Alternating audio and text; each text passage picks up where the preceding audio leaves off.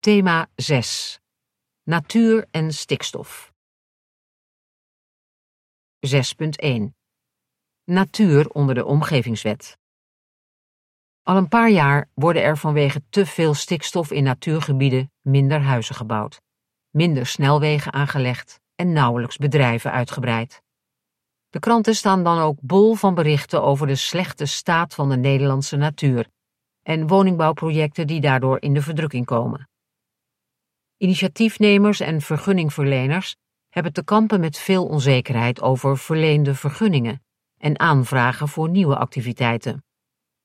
Om de natuur te verbeteren en tegelijkertijd de economie vooruit te helpen, ligt zelfs de onteigening van boeren als noodoplossing op tafel. In dit hoofdstuk besteden wij daarom aandacht aan het veelbesproken onderwerp natuur en stikstof. Wij staan in dit verband onder andere stil bij de overgang van de Wet Natuurbescherming, afgekort WNB, naar de Omgevingswet en de onmogelijkheden en mogelijkheden van onteigening als oplossing voor de stikstofcrisis. Wij gaan in op de zes kerninstrumenten die voor het bevoegd gezag bestaan om het natuurbelang een rol te geven in beleids- en besluitvorming. Deze kerninstrumenten zijn 1 de omgevingsvisie. 2. Programma's. 3. Decentrale regels. 4. Algemene rijksregels. 5. Omgevingsvergunning. 6. Projectbesluit. Vooraf. WNB verdwijnt. De WNB is opgegaan in de Omgevingswet met de aanvullingswet natuur en het aanvullingsbesluit natuur. Natuur maakt onder de omgevingswet namelijk onderdeel uit van de fysieke leefomgeving, een van de kernbegrippen van de omgevingswet. Zie artikel 1.2 lid 2 onder H omgevingswet. Het gaat volgens de wetgever om een beleidsneutrale wijziging waardoor het beschermingsniveau voor vogelsoorten, habitatsoorten en andere soorten hetzelfde blijft. Dit betekent ook dat geen sprake is van een verdere vergroting van de bestuurlijke afwegingsruimte. Dat is ook logisch, aangezien de meeste regels in de WNB direct voortvloeien uit strenge Europese en internationale verplichtingen, zoals de Habitatrichtlijn of de Vogelrichtlijn. De omgevingswet moet ook aan die Europese en internationale verplichtingen voldoen structurele verandering. Toch verandert er het nodige aan het oude stelsel, vanwege de opzet en structuur van de omgevingswet. Zo wijzigt niet alleen de naamgeving van handelingen die betrekking hebben op natuur. De soortenontheffing maakt plaats voor de omgevingsvergunning, maar er is ook niet langer sprake van één integrale vindplaats voor alle natuurbeschermingsregels. De meeste artikelen uit de WNB en het onderliggende Besluit Natuurbescherming, afgekort BNB, krijgen een plekje in de verschillende AMVB's onder de Omgevingswet. Dat zijn het BBL stikstof, het Omgevingsbesluit bevoegd gezag en BKL, onder andere instructie- en beoordelingsregels en het BAL vergunningplicht en vrijstellingen. Kerninstrument 1 Omgevingsvisie Het Rijk, de provincies en gemeenten moeten een omgevingsvisie opstellen. Zie artikel 3.1 Omgevingswet, die onder andere een beschrijving geeft van de hoofdlijnen van de kwaliteit van de fysieke leefomgeving en de hoofdzaken van het voor de fysieke leefomgeving te voeren integrale beleid. Zoals gezegd, maakt natuur ook onderdeel uit van de fysieke leefomgeving en dus van de omgevingsvisie. Voor gemeenten is deze verplichting ten aanzien van natuur nieuw. Op grond van de WNB hoefde alleen het Rijk en provincies een natuurvisie op te stellen. Zie artikel 1.5 en 1.7 WNB. Opvallend is overigens dat de omgevingswet veel minder eisen stelt aan de inhoud van de omgevingsvisie dan de eisen die de WNB aan de natuurvisie stelt, stelde. Er lijkt dus veel vrijheid te bestaan bij de invulling hiervan. Kerninstrument 2 Programma's. Onder de omgevingswet worden programma's geïntroduceerd om de gewenste kwaliteit van de fysieke leefomgeving te bereiken en te behouden. Programma's moeten, volgens artikel 3.5 Omgevingswet, beleid bevatten voor de ontwikkeling, het gebruik, beheer, de bescherming of het behoud van de fysieke leefomgeving. Maatregelen bevatten om aan omgevingswaarden te voldoen of andere doelstellingen voor de fysieke leefomgeving te bereiken.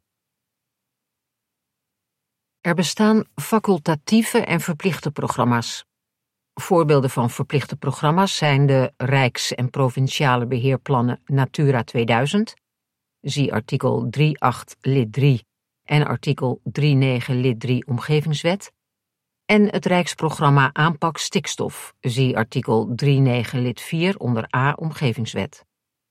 Met het programma Aanpak Stikstof moet worden voldaan aan de omgevingswaarden voor stikstofdepositie in Natura 2000 gebieden. Die zijn vastgesteld voor 2025, 2030 en 2035. Zie artikel 215a lid 1 Omgevingswet. Er gaan overigens stemmen op om die omgevingswaarden verder naar voren te halen, zodat daar eerder aan moet worden voldaan. Zie het wetsvoorstel tot wijziging omgevingswaarde stikstofdepositie 2030 en vergunningplicht onder andere intern salderen, dat begin 2023 ter consultatie heeft gelegen. Het begrip omgevingswaarde is nieuw en inherent verbonden aan de omgevingswet. Omgevingswaarden leggen de kwaliteit vast die een gemeente, provincie of het Rijk voor de fysieke leefomgeving wil bereiken zie artikel 2.9 Omgevingswet. Denk aan meetbare eisen, zoals de toelaatbare concentratie of depositie van stoffen zoals stikstof.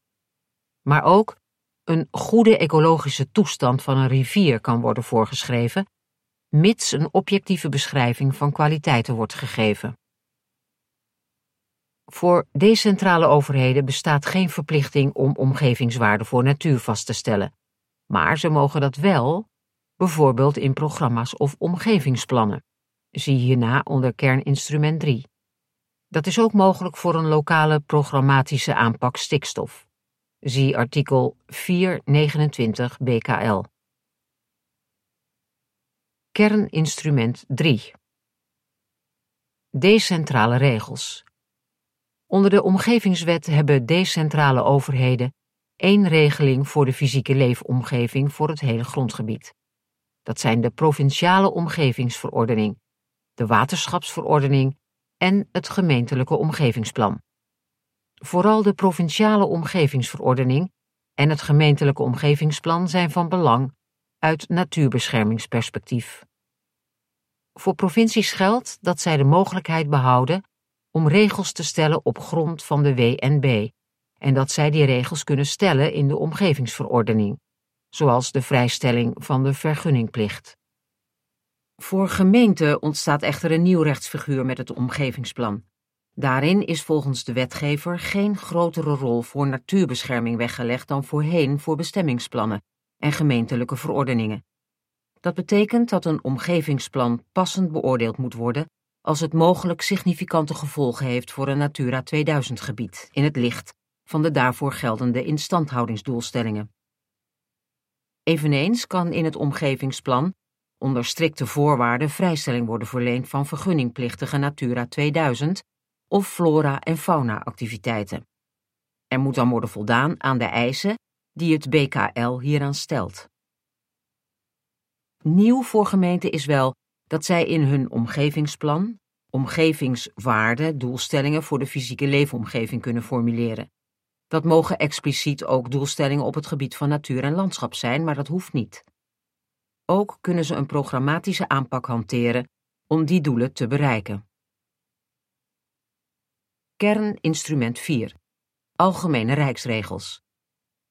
Uitgangspunt van de Omgevingswet is een systeem van algemene regels met maatwerkmogelijkheid, waarop vergunningplichten de uitzondering zijn Zie hierna onder kerninstrument 5. Decentrale bestuursorganen kunnen deze binnen de bij algemene regels gestelde voorwaarden, in het BAL, toespitsen op specifieke situaties door maatwerkvoorschriften en regels. Zo is het bijvoorbeeld mogelijk om in een omgevingsvergunning of omgevingsverordening een maatwerkvoorschrift te stellen over de zorgplicht. Zie artikel 11.7, lid 1 en artikel 11.9, lid 1, bal. De omgevingswet bevat de mogelijkheid om verplichte instructieregels aan andere bestuursorganen te geven, om doorwerking naar andere overheidsniveaus te realiseren. Afdeling 251 Omgevingswet. Daarmee wordt aangegeven hoe een bestuursorgaan een bepaalde taak moet uitoefenen, of wordt de inhoud of motivering van bepaalde besluiten voorgeschreven. Voor natuur gaat het om de instructieregels door provincies of het Rijk. Deze zijn uitgewerkt in het BKL. Het kan bijvoorbeeld gaan om instructieregels voor omgevingsplannen, waarin, zoals gezegd, vrijstellingen kunnen worden opgenomen van vergunningsplichten voor Natura 2000 activiteiten, op voorwaarde dat aan de eisen van het BKL wordt voldaan. Ook kan worden gedacht aan instructieregels over toetsingskaders voor vergunningverlening. Dit is nieuw ten opzichte van de WNB, waar immers alle verplichtingen voor alle bevoegde gezagen en betrokken partijen in de WNB zelf te vinden zijn. Kerninstrument 5 Omgevingsvergunning Onder de Omgevingswet bestaan twee typen vergunningplichtige activiteiten. De in artikel 5.1 lid 1 Omgevingswet beschreven activiteiten zijn vergunningplichtig, tenzij in het bal een uitzondering is gemaakt. Natura 2000 activiteiten zijn aangemerkt als vergunningplichtig, maar in artikel 11.18 bal is bijvoorbeeld bepaald dat deze vergunningplicht niet geldt als de activiteit is aangewezen in een programma en aan de in dat artikel vermelde eisen wordt voldaan. De in artikel 5.1 lid 2 omgevingswet beschreven activiteiten zijn vergunningplichtig voor zover het in het BAL aangewezen gevallen betreft. Zo is in artikel 1137 BAL beschreven dat flora- en fauna-activiteiten als het doden of vangen van vogels omgevingsvergunningplichtig zijn. De toetsingskaders voor vergunningverlening staan vervolgens weer in het BKL. De bevoegdheden ten aanzien van natuur blijven onder de omgevingswet net als voorheen bij provincies en het Rijk liggen. Waar eerst nog sprake was van een verklaring van geen bedenkingen voor het onderdeel natuur, als het college bevoegd gezag is voor de omgevingsvergunning, is onder de omgevingswet sprake van een advies van instemming van provincie of Rijk. Zie artikel 425 Omgevingsbesluit. Kerninstrument 6 Projectbesluit. Nieuw ten opzichte van de WMB is het projectbesluit, bijvoorbeeld voor de aanleg van een weg, voor waterschappen, provincies en het Rijk. Hierin kan worden bepaald dat dit projectbesluit als omgevingsvergunning geldt voor bijvoorbeeld Natura 2000 activiteiten, ter uitvoering van het projectbesluit. Zie artikel 552 lid 2 onder A Omgevingswet. Daarmee worden de beoordelingsregels voor Natura 2000 activiteiten van toepassing op dat projectbesluit. Zie artikel 553 lid 2 Omgevingswet. Kortom, met de komst van de Omgevingswet verandert er inhoudelijk niet zoveel. Of het voor de natuur allemaal eenvoudig beter wordt, is wat ons betreft echter zeer de vraag, nu de regels niet langer te vinden zijn in één wet, maar worden verspreid over verschillende AMVB's. Wie onder de omgevingswet iets wil weten over zijn zorgplicht, voor welke activiteiten een omgevingsvergunning nodig is en welke termijnen daarvoor gelden, moet dan ook behoorlijk zoeken naar de relevante regels. Een hele uitdaging. 6.2 Natuur in de omgevingswet. Een uitbreiding van de zorgplicht? In Nederland geldt de plicht om voldoende zorg in acht te nemen voor Natura 2000 gebieden, bijzondere nationale natuurgebieden en voor in het wild levende dieren en planten en hun directe leefomgeving. Die plicht geldt voor iedereen, van burgers en overheden tot private organisaties en initiatiefnemers. Dat volgde uit artikel 1.11 van de WMB. Maar hoe werkt dat onder de omgevingswet? In het vorige hoofdstuk constateerden wij al dat met de overgang van de WNB naar de omgevingswet geen wijziging is beoogd van het beschermingsniveau voor natuur. Toch zijn er verschillen door het systeem van de omgevingswet. In dit hoofdstuk staan wij stil bij hoe de verschillende zorgplichten eruit zien onder de omgevingswet. Algemene zorgplicht in de omgevingswet. De omgevingswet gaat uit van het kernbegrip fysieke leefomgeving, waar ook natuur onder valt. Iedereen moet zorg dragen voor die fysieke leefomgeving op grond van artikel 1.6 Omgevingswet. Hier wordt verder invulling aangegeven in artikel 1.7 Omgevingswet. Concreet betekent dit dat iedereen die weet of redelijkerwijs kan vermoeden dat zijn activiteit nadelige gevolgen kan hebben voor de fysieke leefomgeving 1. Alle maatregelen moet nemen die redelijkerwijs van hem kunnen worden gevraagd om die gevolgen te voorkomen. 2. Als die gevolgen niet kunnen worden voorkomen, moet hij die gevolgen zoveel mogelijk beperken en ongedaan maken. 3. Als de gevolgen onvoldoende kunnen worden beperkt, moet hij die activiteit achterwege laten, voor zover dat redelijkerwijs van hem kan worden gevraagd. Nieuw onder de omgevingswet.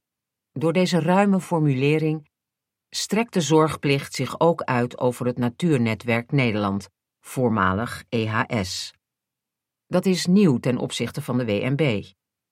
Ook nieuw is het verbod om een activiteit te verrichten met mogelijk aanzienlijke nadelige gevolgen voor de fysieke leefomgeving. De gevallen waarin dat aan de orde is, zijn genoemd in artikel 1.7a Omgevingswet, Juncto artikel 1.3 Omgevingsbesluit. Zo mag bijvoorbeeld beschermde natuur niet worden verwaarloosd als dat aanzienlijke nadelige gevolgen heeft of dreigt te hebben voor de beschermde waarde. Overtreding van dit verbod kan strafrechtelijk worden gehandhaafd. Specifieke zorgplichten in de omgevingswet. Voor een aantal onderwerpen heeft de wetgever een concretere zorgplicht opgenomen in de omgevingswet. Als aan die specifiekere voorschriften wordt voldaan, wordt daarmee automatisch voldaan aan de algemene zorgplicht. Dit volgt uit artikel 1.8 Omgevingswet. Noemenswaardige specifieke zorgplichten in relatie tot natuur staan in het bal en zien op 1. Activiteiten met mogelijke gevolgen voor Natura 2000 gebieden of bijzondere nationale natuurgebieden. Zie artikel 11.6 bal. 2. Flora- en fauna-activiteiten, zie artikel 1127. 3. Activiteiten die houtopstanden, hout- en houtproducten betreffen, zie artikel 1116. Voor iemand die een activiteit wil uitvoeren, zoals een initiatiefnemer van een windmolenpark of een bestaand bedrijf dat wil uitbreiden, die verslechterende of significant nadelige gevolgen kan hebben voor een Natura 2000 gebied, of bijzondere nationale natuurgebieden, geldt in ieder geval de plicht om voorafgaand aan die activiteit onderzoek te laten doen naar de instandhoudingsdoelstellingen voor de betrokken gebieden. Ook moeten de volgende stappen worden doorlopen. Nagaan of nadelige gevolgen voor dier- en plantensoorten uit te sluiten zijn. Nagaan wat nadelige gevolgen zijn als uitsluiten daarvan niet mogelijk is passende preventieve maatregelen om nadelige gevolgen te voorkomen, stoppen met activiteit of herstelmaatregelen treffen. Deze specifieke zorgplicht geldt naast de vergunningplicht die voor dergelijke activiteiten geldt. De specifieke zorgplichten kunnen niet alleen bestuursrechtelijk, maar ook strafrechtelijk worden gehandhaafd. Dat is een verschil met de handhaving van de zorgplicht onder de WNB. Mogelijkheid tot maatwerk. Het bevoegd gezag kan maatwerkregels en voorschriften of vergunningvoorschriften stellen ten aanzien van de specifieke zorgplichten voor natuur. Zie artikel 4.5 en 4.6 Omgevingswet. Maatwerk kan worden gebruikt om de specifieke zorgplichten voor natuur verder in te vullen. Er mag niet worden afgeweken van de specifieke zorgplichten. Maatwerkvoorschriften zijn bedoeld voor individuele gevallen en zijn gericht tot degene die de activiteit verricht, ofwel tot een bepaald persoon of een bepaald bedrijf. Deze maatwerkvoorschriften kunnen door het aangewezen bevoegde gezag ambtshalve worden gesteld, bijvoorbeeld naar aanleiding van toezicht dat heeft plaatsgevonden, op verzoek worden gesteld, zowel van degene die de activiteit verricht als een derde. Kortom, de zorgplicht zoals we die kenden in de WNB is veranderd door de inwerkingtreding van de Omgevingswet. Initiatiefnemers moeten met name bedacht zijn op de specifieke zorgplichten die onder de Omgevingswet gelden en de verplichtingen die daaruit voortvloeien. Zo moet de initiatiefnemer kennis nemen van de bijzondere natuurwaarden in de nabije omgeving van de plaats waar hij activiteiten beoogt. De specifieke zorgplicht dwingt de initiatiefnemer ertoe om in geval van verslechterende effecten actief te anticiperen op het voorkomen of verzachten van deze effecten. Daarbij biedt de omgevingswet voor het bevoegd gezag ruime mogelijkheden tot handhaving ten aanzien van de naleving van de specifieke zorgplichten als opgenomen in het BAL, zowel bestuursrechtelijk als strafrechtelijk. 6.3 Overname van stikstofrechten. Hoe werkt extern salderen? Vanwege de huidige staat van de natuur in Nederland bestaat een tekort aan stikstofruimte voor allerlei projecten en activiteiten. We zien regelmatig dat vergunningen niet worden verleend of dat verleende vergunningen onderuit gaan bij de rechter. Om de stikstofcrisis sneller en intensiever aan te pakken, heeft de minister van Natuur en Stikstof op 1 april 2022 de hoofdlijnen gepresenteerd van een nieuwe, gecombineerde aanpak van natuur, stikstof, klimaat en water. Het doel daarvan is om het beleid en de mogelijkheden voor vergunningverlening aan te scherpen en te verduidelijken.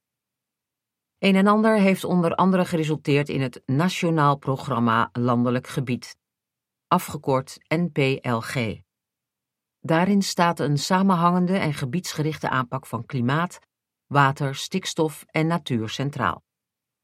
Daarbij staan provincies aan de lat voor het opstellen van provinciale gebiedsprogramma's, die weer het kader vormen voor mogelijkheden en te nemen maatregelen.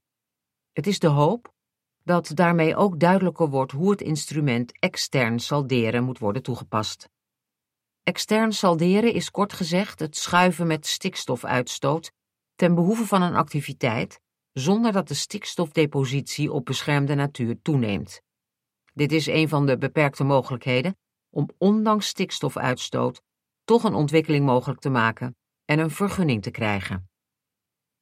Veel provincies hebben aangegeven voorlopig niet meer mee te werken aan vergunningverlening, waarbij toepassing wordt gegeven aan extern salderen, vanwege de onzekerheid die hieraan kleeft over de comptabiliteit met Europese wet en regelgeving en naar aanleiding van jurisprudentie. In dit hoofdstuk staan we stil bij de onmogelijkheden en de mogelijkheden van extern salderen in de praktijk. Wat is extern salderen? Bij externe saldering is per saldo geen sprake van toename van stikstofdepositie op Natura 2000 gebieden, doordat een stikstofveroorzakende activiteit op een andere locatie geheel of gedeeltelijk wordt beëindigd. De vergunning van de saldogever wordt dan ingetrokken en de effecten van de activiteit van de saldo-ontvanger worden daardoor gemitigeerd, voorkomen of verminderd. De positieve effecten van het intrekken van de vergunning worden dus één op één weggestreept tegen het negatieve effect van een voorgenomen ontwikkeling. Externe saldering is een van de manieren om toestemming te krijgen voor een activiteit. Voor plannen en projecten die significante gevolgen kunnen hebben voor Natura 2000 gebieden, kan namelijk pas een vergunning worden verleend of toestemming voor het plan worden gegeven als uit een passende beoordeling de zekerheid is verkregen dat de natuurlijke kenmerken van een gebied niet worden aangetast. De verwachte voordelen van Mitigerende maatregelen als externe saldering mogen daarin betrokken worden. Hoge motiveringseis bij extern salderen. De positieve effecten van extern salderen mogen volgens vaste rechtspraak echter niet zomaar worden benut voor een project. Dat komt omdat voor lidstaten ook een algemene opgave geldt om een te hoge stikstofdepositie terug te brengen, om zo te voldoen aan voor beschermde natuur geformuleerde instandhoudingsdoelstellingen, en om te voorkomen dat die beschermde natuur niet verslechtert. Zie artikel 6, lid 1 en 2 Habitatrichtlijn. Maatregelen die in dit verband moeten worden getroffen, worden instandhoudings- of passende maatregelen genoemd. Extern salderen is een maatregel die volgens de afdeling bestuursrechtspraak van de Raad van State, afgekort afdeling, door zijn vorm geschikt is als instandhoudings- of passende maatregel en tegelijkertijd ook geschikt is als mitigerende maatregel. Een instandhoudings- of passende maatregel mag pas worden gebruikt in een passende beoordeling als mitigerende maatregel als het behoud van beschermde natuurwaarden is geborgd of wanneer een verbeter- of hersteldoelstelling geldt. Dat doel ook op een andere manier kan worden bereikt. Een instandhoudings- of passende maatregel mag pas worden gebruikt als mitigerende maatregel in een passende beoordeling wanneer 1. Het behoud van beschermde natuurwaarden is geborgd. 2. Er sprake is van een verbeter- of hersteldoelstelling. Deze doelstelling ook op een andere manier kan worden bereikt. Er moet kortom gemotiveerd worden waarom de maatregel als mitigerende maatregel kan worden ingezet. Dat is nog niet zo eenvoudig. De afdeling vereist namelijk dat inzichtelijk wordt gemaakt met welke andere maatregelen een daling van de stikstofdepositie voor de betrokken Natura 2000 gebieden kan worden gerealiseerd. Het moet daarbij gaan om concrete maatregelen. Dat betekent dat in een passende beoordeling niet kan worden volstaan met een simpele vergelijking van de toe- of afname van stikstofdepositie. En dat is een behoorlijke klus. Overige aandachtspunten voor extern salderen. Andere aandachtspunten voor extern salderen zijn: extern salderen mag alleen met een legale natuurtoestemming of andere toestemming die gold op de Europese referentiedatum. De datum waarop een natuurgebied als beschermd werd aangewezen, veelal 1994 of 2004. Het is niet relevant of het saldo-gevende bedrijf nog in gebruik is. Van belang is dat de stikstofdepositie aanwezig was of kon zijn tot het moment van intrekking van de natuurvergunning of het sluiten van de overeenkomst over de overname van de stikstofdepositie ten behoeve van de saldo ontvangende ontwikkeling. Er moet vaststaan dat de bedrijfsvoering van het saldo-gevende bedrijf daadwerkelijk is of wordt beëindigd, bijvoorbeeld door een overeenkomst tussen de saldogever en ontvanger. Op grond van provinciale beleidsregels wordt 30% van het saldo afgeroomd ten gunste van de natuur. De overige 70% mag worden gebruikt voor de eigen ontwikkeling. Mogelijk verandert deze verdeling in de toekomst naar 40 en 60%. Op grond van huidige provinciale beleidsregels moet worden uitgegaan van de feitelijke gerealiseerde capaciteit en niet van de vergunde capaciteit. Dat is een beperking ten opzichte van de vergunde situatie. Externe saldering is in principe toegestaan met onherroepelijke pasvergunningen.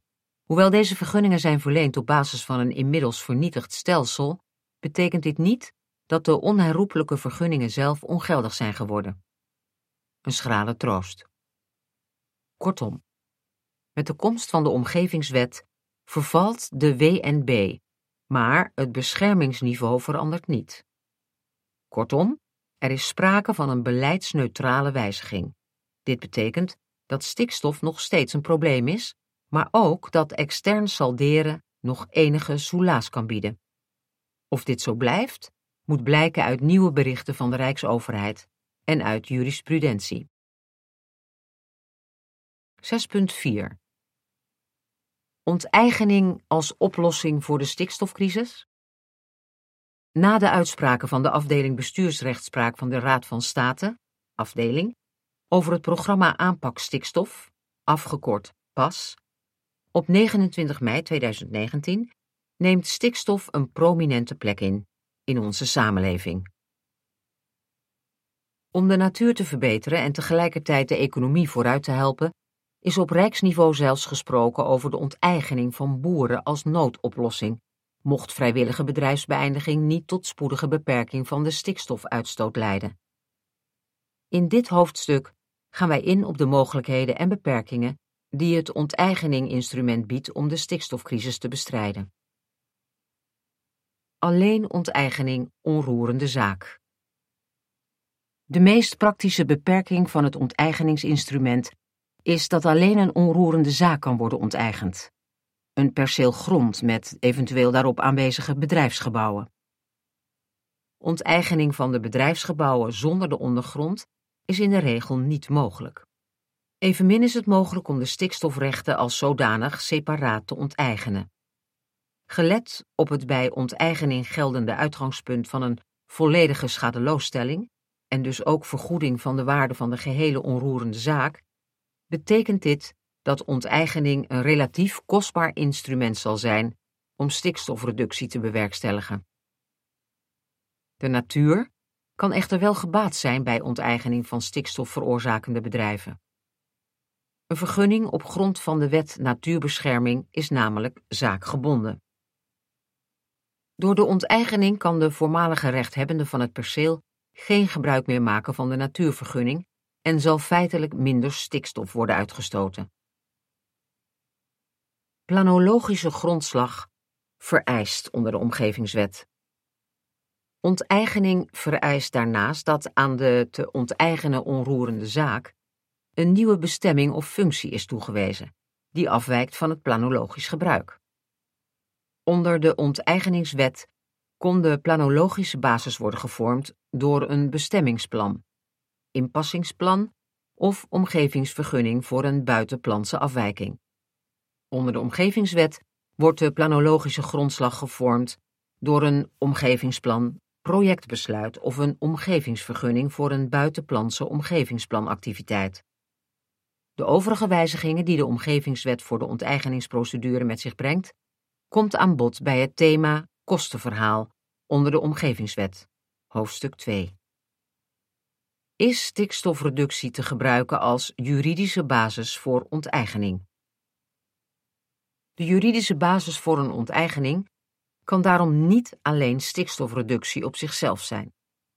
Stikstofreductie is slechts een doelbewust gevolg van het uitvoering geven aan de nieuwe bestemming van het te onteigenen object, voor zover die toebedachte bestemming verminderde stikstofuitstoot met zich brengt. Denk bijvoorbeeld aan een agrarische bestemming die plaats moet maken voor een nieuwe planologische bestemming zoals een natuurbestemming, een natuurvriendelijke vorm van extensieve landbouw of woningbouw. Bij woningbouw en gebruik nabij natuurgebieden is natuurlijk wel de vraag hoeveel stikstofuitstoot daardoor wordt veroorzaakt en of woningbouw nabij een natuurgebied vanuit natuurbeschermingsperspectief en een goede ruimtelijke ordening wenselijk is.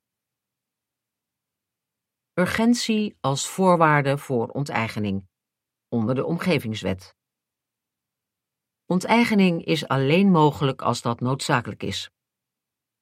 Dat betekent dat moet zijn gebleken dat het niet mogelijk is om in der minne tot een vrijwillige bedrijfsbeëindiging te komen, om zo de nieuwe bestemming ter plaatse te kunnen realiseren. Ook dient een onteigening urgent te zijn. Onder de onteigeningswet moest aannemelijk worden gemaakt dat binnen vijf jaar na het slaan van het koninklijk besluit tot onteigening zal worden gestart met de werkzaamheden voor het werk waarvoor onteigend is. Onder de omgevingswet wordt deze termijn korter. Dan geldt dat binnen drie jaar na inschrijving van de onteigeningsakte een begin moet worden gemaakt met de verwezenlijking van de beoogde ontwikkeling, gebruik of beheer van de fysieke leefomgeving waarvoor onteigening noodzakelijk was. Kortom, onteigening kan een bruikbaar, zij het een relatief kostbaar instrument zijn om op korte termijn tot stikstofreductie te kunnen komen, wanneer een vrijwillige bedrijfsbeëindiging niet mogelijk blijkt. 6.5 Inspraakverplichting bij natuurvergunningen onder de Omgevingswet wel gewaarborgd. Anders dan in de Wet Natuurbescherming, afgekort WNB, en de voorganger daarvan, de Natuurbeschermingswet 1998, afgekort NBW 1998, voorziet de Omgevingswet wel in een expliciete inspraakverplichting voordat een natuurvergunning onder de Omgevingswet een Natura 2000 activiteit kan worden verleend. Hierna lichten we toe wat er verandert voor deze inspraakverplichting voor natuurvergunningen. Recht en inspraak bij natuurvergunningen. Geen goede implementatie van de habitatrichtlijn. Uit een uitspraak van de afdeling bestuursrechtspraak van de Raad van State, afdeling, van 14 juli 2021, volgt dat het verplicht is om inspraak te bieden voordat een natuurvergunning wordt verleend. Deze verplichting volgt uit de Europese habitatrichtlijn, maar is niet goed geïmplementeerd in de WNB en de MBW 1998, volgens de afdeling. Daarin wordt nog uitgegaan van een reguliere procedure zonder inspraak. Vanwege deze uitspraak moeten bestuursorganen bij natuurvergunningen op grond van het beginsel van unitrouw inspraak te bieden via de uitgebreide voorbereidingsprocedure van afdeling 3-4 van de Algemene Wet Bestuursrecht, afgekort AWB. De WMB is hier niet op aangepast. Onder de Omgevingswet is het volgen van de uniforme openbare voorbereidingsprocedure voor Natura 2000 activiteiten wel wettelijk verplicht. Onder de Omgevingswet moeten bestuursorganen verplicht de uniforme openbare voorbereidingsprocedure van afdeling 3-4 AWB doorlopen, als sprake is van een aanvraag voor een omgevingsvergunning die betrekking heeft op een Natura 2000 activiteit of een andere activiteit waarbij belangrijke gevolgen voor het milieu kunnen optreden. Dit volgt uit artikel 1665 Omgevingswet en artikel 1024 van het onderliggende omgevingsbesluit. Met deze bepalingen komt de wetgever tegemoet aan de verplichting die volgt uit de Europese habitatrichtlijn. Daarmee verschilt de omgevingswet van de situatie die onder de WNB bestond, waarbij een dergelijke expliciete wettelijke verplichting ontbreekt.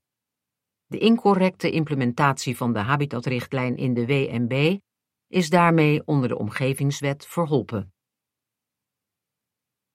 Inspraak voor iedereen of alleen belanghebbenden? Het arrest Varkens in nood van het Hof van Justitie en de daaropvolgende uitspraken van de afdeling hebben voor de nodige ophef gezorgd. Niet alleen is in het omgevingsrecht het indienen van een zienswijze niet langer een verplichte eis voor toegang tot de bestuursrechter, ook volgt uit deze uitspraken dat niet-belanghebbenden, die aan de bestuurlijke voorprocedure hebben deelgenomen, toegang moeten hebben tot de bestuursrechter. Daarmee is in Nederland de vraag of inspraak voor een ieder wordt opengesteld of alleen voor de kleinere kring van belanghebbenden belangrijker geworden. Immers, inspraak betekent dan ook dat daaropvolgende toegang tot de bestuursrechten moet worden opengesteld. In dat kader is relevant dat de wetgever er in de omgevingswet niet voor kiest om inspraak voor Natura 2000 activiteiten via de uniforme openbare voorbereidingsprocedure open te stellen voor een ieder. Alleen belanghebbenden kunnen een zienswijze tegen een ontwerp-omgevingsvergunning voor een Natura 2000 activiteit indienen en kunnen daarna naar de bestuursrechter stappen. Kortom, sinds de uitspraak van de afdeling van 14 juli 2021 moeten bestuursorganen bij natuurvergunningen al inspraak bieden door de uitgebreide voorbereidingsprocedure te doorlopen. Deze situatie wordt onder de Omgevingswet voor Natura 2000 activiteiten wettelijk vastgelegd. 6.6 Stikstofreductie en natuurverbetering in relatie tot de Omgevingswet. Om de stikstofproblemen structureel aan te pakken, is de Wet Stikstofreductie en Natuurverbetering, afgekort WSN, per 1 juli 2021 in werking getreden. Deze wet heeft onder andere wijzigingen gemaakt in de Wet Natuurbescherming, afgekort WNB. Daarmee sorteert de wetgever voor op de Omgevingswet. Wij lichten dat toe in dit hoofdstuk. Wet Stikstofreductie en Natuurverbetering, Omgevingswaarde. Met de WSN wordt beoogd de stikstofuitstoot omlaag te brengen, zodat de natuur verbetert. Daarmee kunnen ook economische en maatschappelijke activiteiten worden ontplooid. De WSN bevat tal van maatregelen, waaronder een resultaatsverplichting om stapsgewijs de stikstofbelasting op stikstofgevoelige habitattypes in de Natura 2000 gebieden onder de kritische depositiewaarde te krijgen. De kritische depositiewaarde is simpel gezegd de grens waarboven verslechtering van de natuur niet op voorhand is uit te sluiten. Er is voorgeschreven wat het percentage gezonde natuurgebieden in 2025, 2030 en 2035 moet zijn. Zie artikel 112a WNB. A. In 2025 ten minste 40% B. In 2030 ten minste 50 C. In 2035 ten minste 74% Deze normen voor de fysieke leefomgeving worden omgevingswaarden genoemd. Deze omgevingswaarden worden uiteraard niet vanzelf gehaald. De minister voor Natuur en Stikstof moet dan ook een programma stikstofreductie en natuurverbetering vaststellen, zie artikel 112b WNB, en daarin aangeven welke stappen moeten worden gezet door andere bestuursorganen om de gestelde omgevingswaarde te bereiken. Zie onder andere artikel 2.1 Besluit natuurbescherming. Per provincie moet een gebiedsplan worden opgesteld. Zie artikel 1.12 FA WNB, waarin een gebiedsgerichte uitwerking is vermeld van de omgevingswaarde. De minister betrekt die informatie in het programma Stikstofreductie en Natuurverbetering. Versnelling wettelijke stikstofdoelstelling. Er gaan stemmen op om vast te leggen dat de omgevingswaarden eerder moeten zijn behaald. In het conceptwetsvoorstel tot wijziging omgevingswaarde stikstofdepositie 2030 en vergunningplicht onder andere intern salderen, dat tot eind maart 2023 ter internetconsultatie heeft voorgelegen, is de wettelijke stikstofdoelstelling omgevingswaarde van 2035 naar 2030 gehaald en worden twee eikmomenten geïntroduceerd in 2025 en 2028. Dat betekent dat in 2030 ten minste 74% van het stikstofgevoelig Natura 2000 areaal in Nederland onder de kritische depositiewaarde moet zijn gebracht, in plaats van de vorige wettelijke doelstelling van ten minste 50% in 2030. Het betreft een conceptwetsvoorstel, waarvan nog moet blijken of het daadwerkelijk wordt ingediend en naderhand wordt aangenomen. Het is niet ondenkbaar dat het uiteindelijk niet tot een wet komt, gelet op de huidige politieke verhoudingen na de statenverkiezingen van maart 2023 en meer recent na de val van het kabinet in juli 2023. Omgevingswaarden zijn belangrijk onder de Omgevingswet.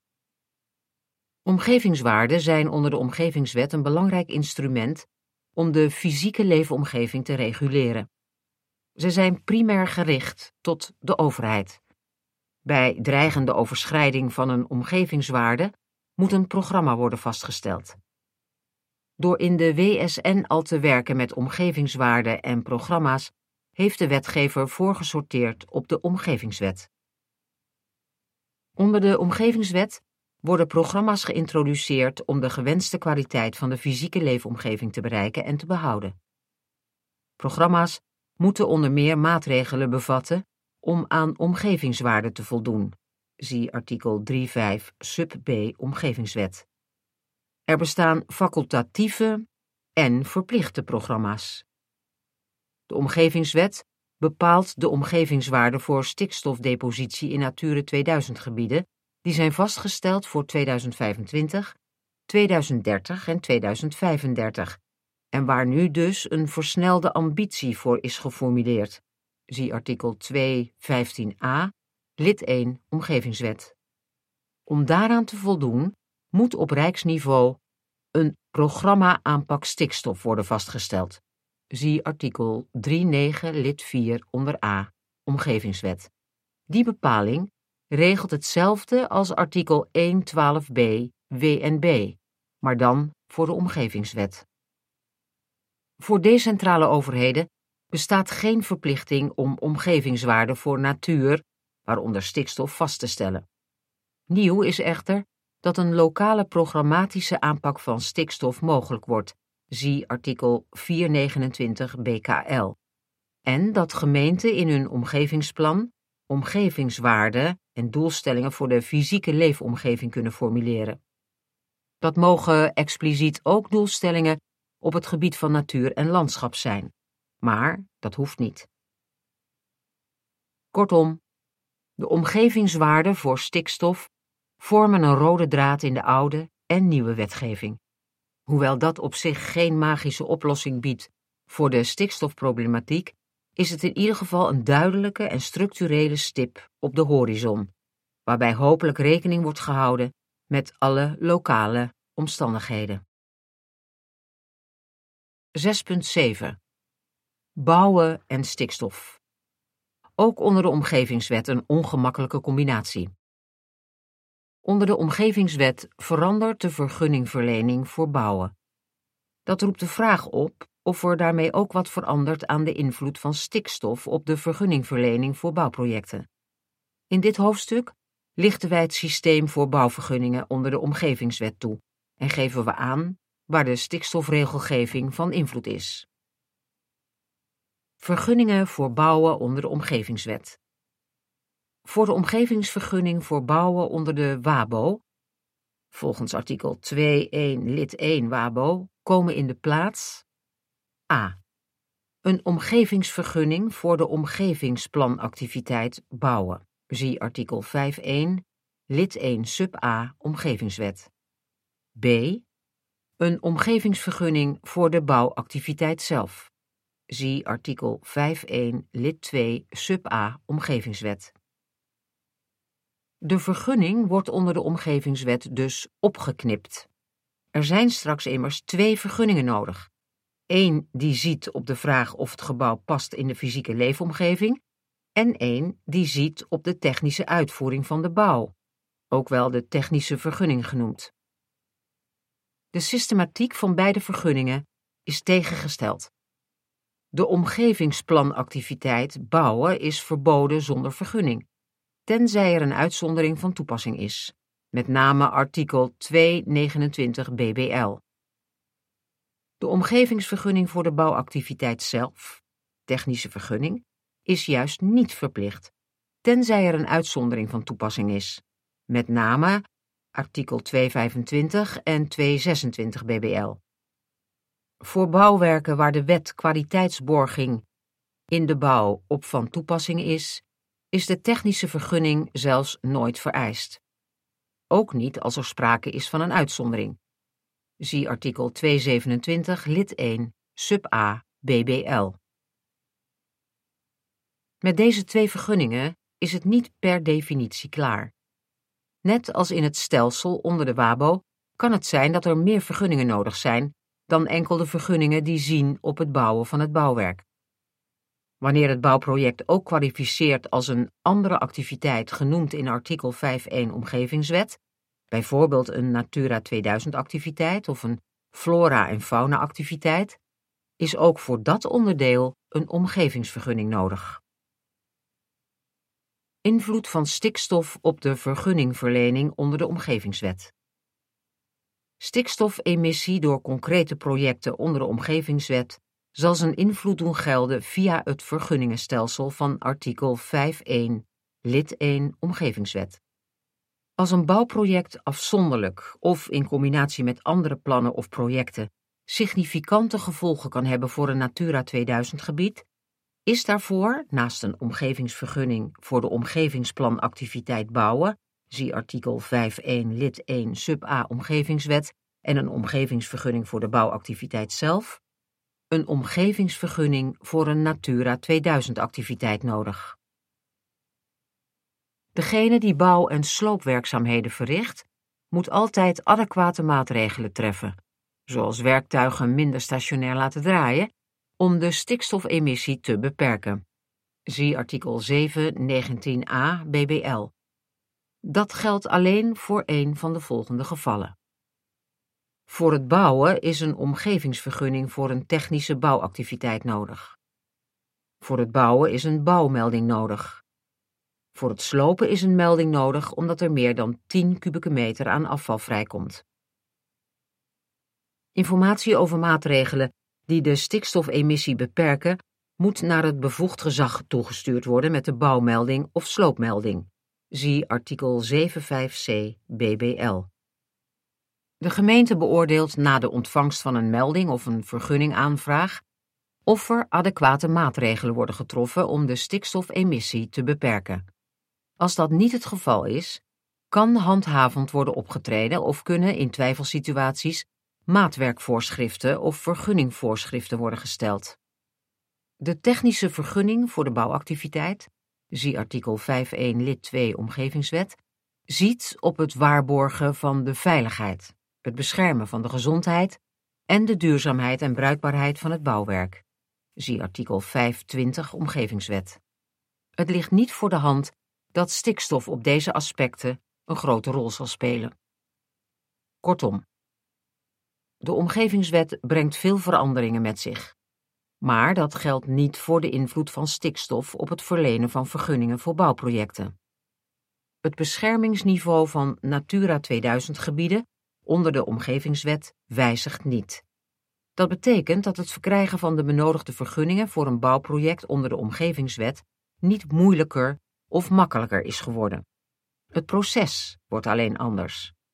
In ieder geval blijft bouwen en stikstof ook onder de omgevingswet een ongemakkelijke combinatie.